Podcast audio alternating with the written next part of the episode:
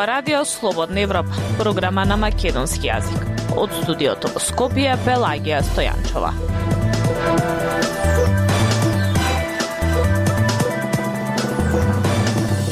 Во денешната емисија на Радио Слободна Европа објавуваме има граѓани кои цел живот плаќаат кредити и се должници, вели народниот правобранител. Колку тежат македонските градоначалници и дали го пријавуваат целиот тимот до антикорупцијска. Русија може би користи повеќе од 30 на воздушни бази за да изврши напади против Украина. Слушајте не. Независни вести и анализи за иднината на Македонија. На Радио Слободна Европа и слободнаевропа.мк ќе предложиме промена на законот за облигациони односи за каматите за да не може да го надминат основниот долг, најави народниот правобранител Насир Зибери. Тој вели дека има граѓани кои поради постојаното зголемување на каматите никогаш не можат да се раздолжат и покрај плаќањето цел живот остануваат должници. Правобранителот го презентираше извештајот за човекови права за минатата година. Повеќе од Среген Стојанчов. Не смее каматата да биде три пати поголема од долгот, рече Зибери. Граѓаните и минатата година најмногу се жалеле на правосудството, особено на работата на извршителите. Зибери рече дека се констатирани помал број повреди во постапката на извршување, но нагласи дека се необходни системски измени во делот на пресметување на каматата. Висината на каматата мора да се плафонира најмногу до 100% од основниот долг. Сведоци сме дека има граѓани кои заради основен долг и постојано пораснување на каматата, скоро цел живот стануваат должници према доверителите преку извршителите. Не се во состојба заради минималните примања да го исплатат долгот и износот на каматата и на тој начин тие стануваат цел живот должници. Тоа за една социјална држава, како што сме ние, утврдени со Уставот е недозволиво. Зибери денеска го презентираше годишниот извештај за степенот на обезбедување, почитување, унапредување и заштита на човековите слободи и права во 2021-та. Тој се пожали дека владата им го намалила буџетот за годинава за 30% со што ја оневозможува нивната работа. Јас ова го, сват, го сваќам како намера на владата да не овозможи квалитетна надзор на работата на органите на управата со недостаток на средства, односно недоволна екипираност и средства за соодветно делување на институцијата Народен правобранител. Народниот правобранител минатата година разгледувал 3075 представки за прекршување на човековите права, а во 755 случаи биле констатирани повреди. Најмногу представки биле поднесени во областа на правосудството, потоа следуваат детските права, потрошувачките права, работните односи, социјалната заштита, состојбата во затворите и поправните домови, имотно-правните односи и урбанизмот. Летоска било констатирано дека се созда создаде застој во обновата на лични документи, па многу граѓани не можеле да си подигнат плата, пензија или социјална помош поради истечени документи. По интервенцијата на правобранителот, банките почнале да им ги признаваат на граѓаните и потврдите дека поднеле барање за лични документи за да може да си подигнат пари. Зибери се заблагодари на гувернерката на Народната банка за итната реакција и ја посочи како пример за добра соработка со Народниот правобранител за заштита на правата на граѓаните. Од друга страна, како најнекооперативни институции ги посочи Министерството за здравство и Управата за водење матични книги. Радио Слободна Европа, светот на Македонија. Десетте најбогати градоначалници во земјава тежат најмалку 20 милиони евра, покажуваат податоците на антикорупцијската комисија. Од тие пари, половина ги има само еден градоначалник. Дел од градоначалниците се и дарежливи, па на луѓе им позајмиле илјадници евра. Но не сите се транспарентни и не го пријавиле имотот на партнерите, родителите и децата. Ја слушаме Зорана Гаджевска-Спасовска.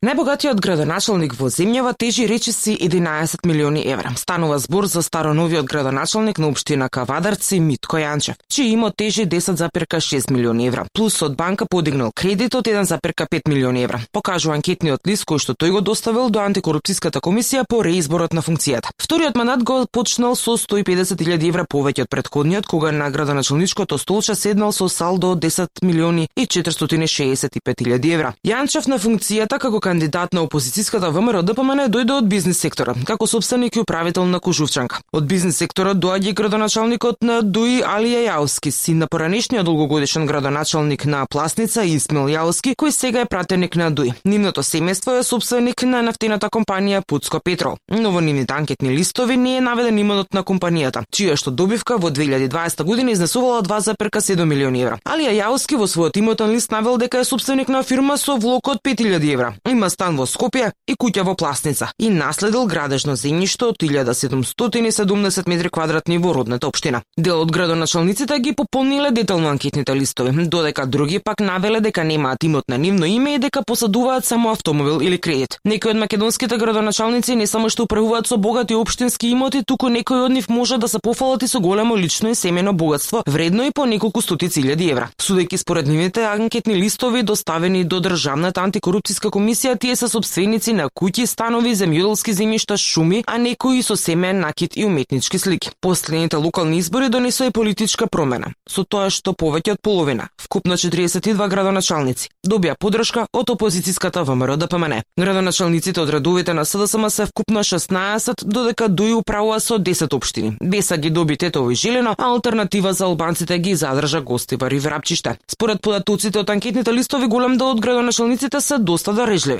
Може би не ги наведуваат сите приходи, но затоа се наведени нивните побарувања по основ на даден заем. Например, Јанчев во имотниот лист навел дека му должат 89.000 евра, додека неговиот колега од Струга, градоначалникот од Дуј Рами Смерко, пријавил дека му должат 73.000 евра. Нивниот колега од Тетово, лидерот на Беса Билел Касами, одличен имот навел само побарување по основ на заем во вредност од 45.000 евра. Градоначалничката на Скопје Данил Арсовска на своето салдо број имот вреден 230.000 евра, но од кој на сметка во банка има 150.000 евра, два стана по околу 40 метри квадратни и кредити од 2 милиони евра. Незината заменичка Бојаре Абази поседува стан на свој име во Скопје од 78 метри квадратни купен во 2021 година и уште еден стан во Скопје од 76 метри квадратни чиј собственик е незиниот сопруг. Новиот градоначалник на Скопската општина Аеродром Тимчо Муцунски до надлежните прикажал кус анкетен лист, во кој навел дека поседува само еден автомобил Audi K2 купен во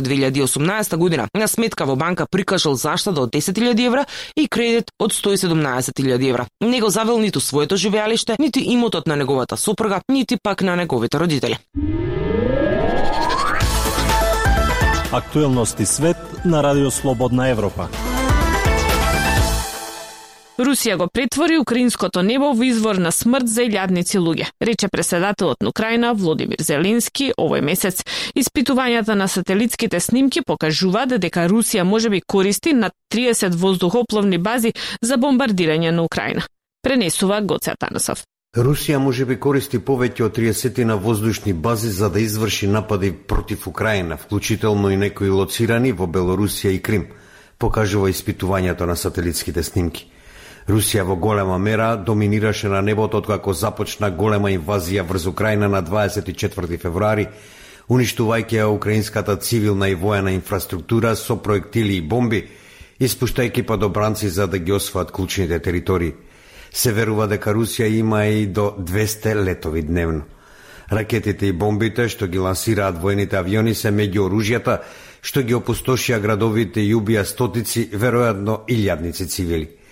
Русија го претвори украинското небо во извор на смрт за илјадници луѓе, рече председателот Володимир Зеленски, молејќи ги Соединетите држави за поголема помош за заштита на земјата од воздушни напади. Соединетите држави јасно ставија до знаење дека не се подготвени да подржат зона на забранети летови над Украина, велејќи дека тоа ќе ги стави силите на НАТО во потенцијален контакт или конфликт со Русија и ќе ја однесе војната на сосема ново ниво. Руските воени авиони и хеликоптери кои ја напаѓаат Украина може би полетуваат од околу 30 воздушни бази според анализата на схеми Истражувачки проект што го води Украинската служба на Радио Слободна Европа во соработка со телевизијата Персија.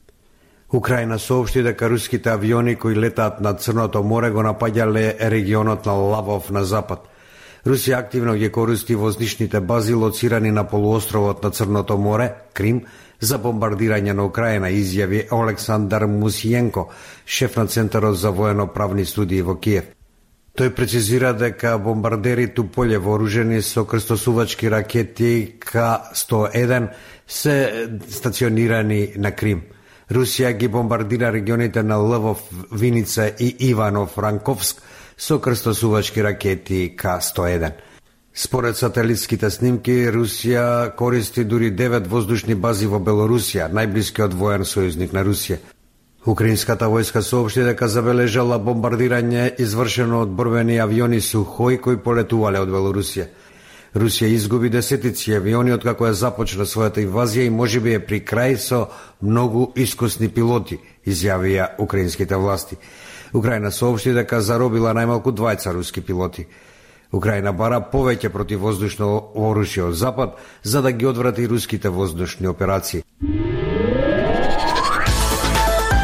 Култура и уметност на Радио Слободна Европа.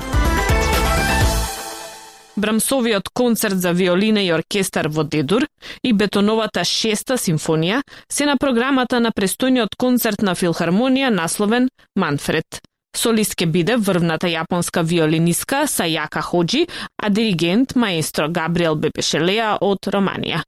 Прилог на Лјупче Јолевски.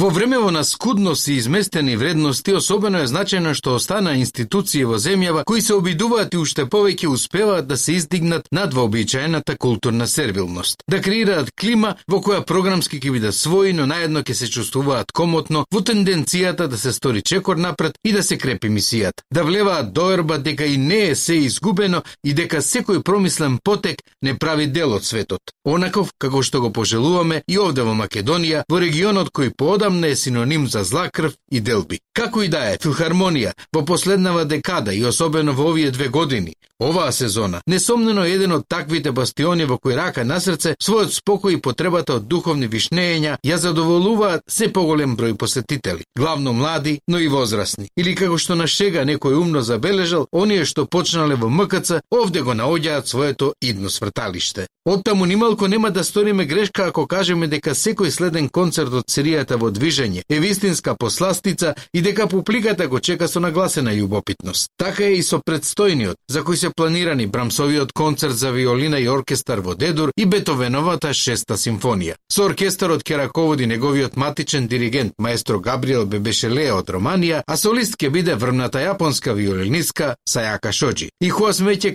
најнапред треба да се спомене дека таа подемот во кариерата го почнува во 1999 година, откако ја добива првата награда на еден од најважните виолински надпревари во светот, Паганини, кој се одржува во Дженова, Италија. Веднаш потоа започнува незината плодна соработка со некои од водечките светски диригенти како Зубин Мехта, Лорин Мазел, Семјон Бичков, Јури Темирканов и многу други. Мехта, на пример, е еден од најголемите поддржувачи на оваа јапонска виолинистка. Кога во 2000 година ја слушнал како свири на една аудиција, тој веднаш го променил својот распоред на концерти со цел да ја овозможи на Шоджи да направи своја прва аудио снимка со Израелскиот симфониски оркестар, а истовремено ја викнал и да настапи со Државниот оркестар на Баварија и Симфонискиот оркестар на Лос Анджелес. Покана што Шоджи без размислување ја прифатила. Незината уметничка уникатност и разновидниот репертоар ја носат и пред други денес реномирани оркестри, како Лондонскиот симфониски оркестар, Берлинската филхармонија, Њујоршката филхармонија, оркестрот на Националната академија на Санта Чечилија, Чешката филхармонија. Покрај тоа, Сајака Шоджи редовно одржува рецитали, но и камерни концерти заедно со врвни уметници како Вадим Репин, Ланг Ланг, Итамар Голан, Јефим Бромфман и Стивен Исерлис. Во меѓувреме наоѓа и простор за учест на повеќе фестивали во Европа и во Јапонија. Наспроти големиот број концертни активности,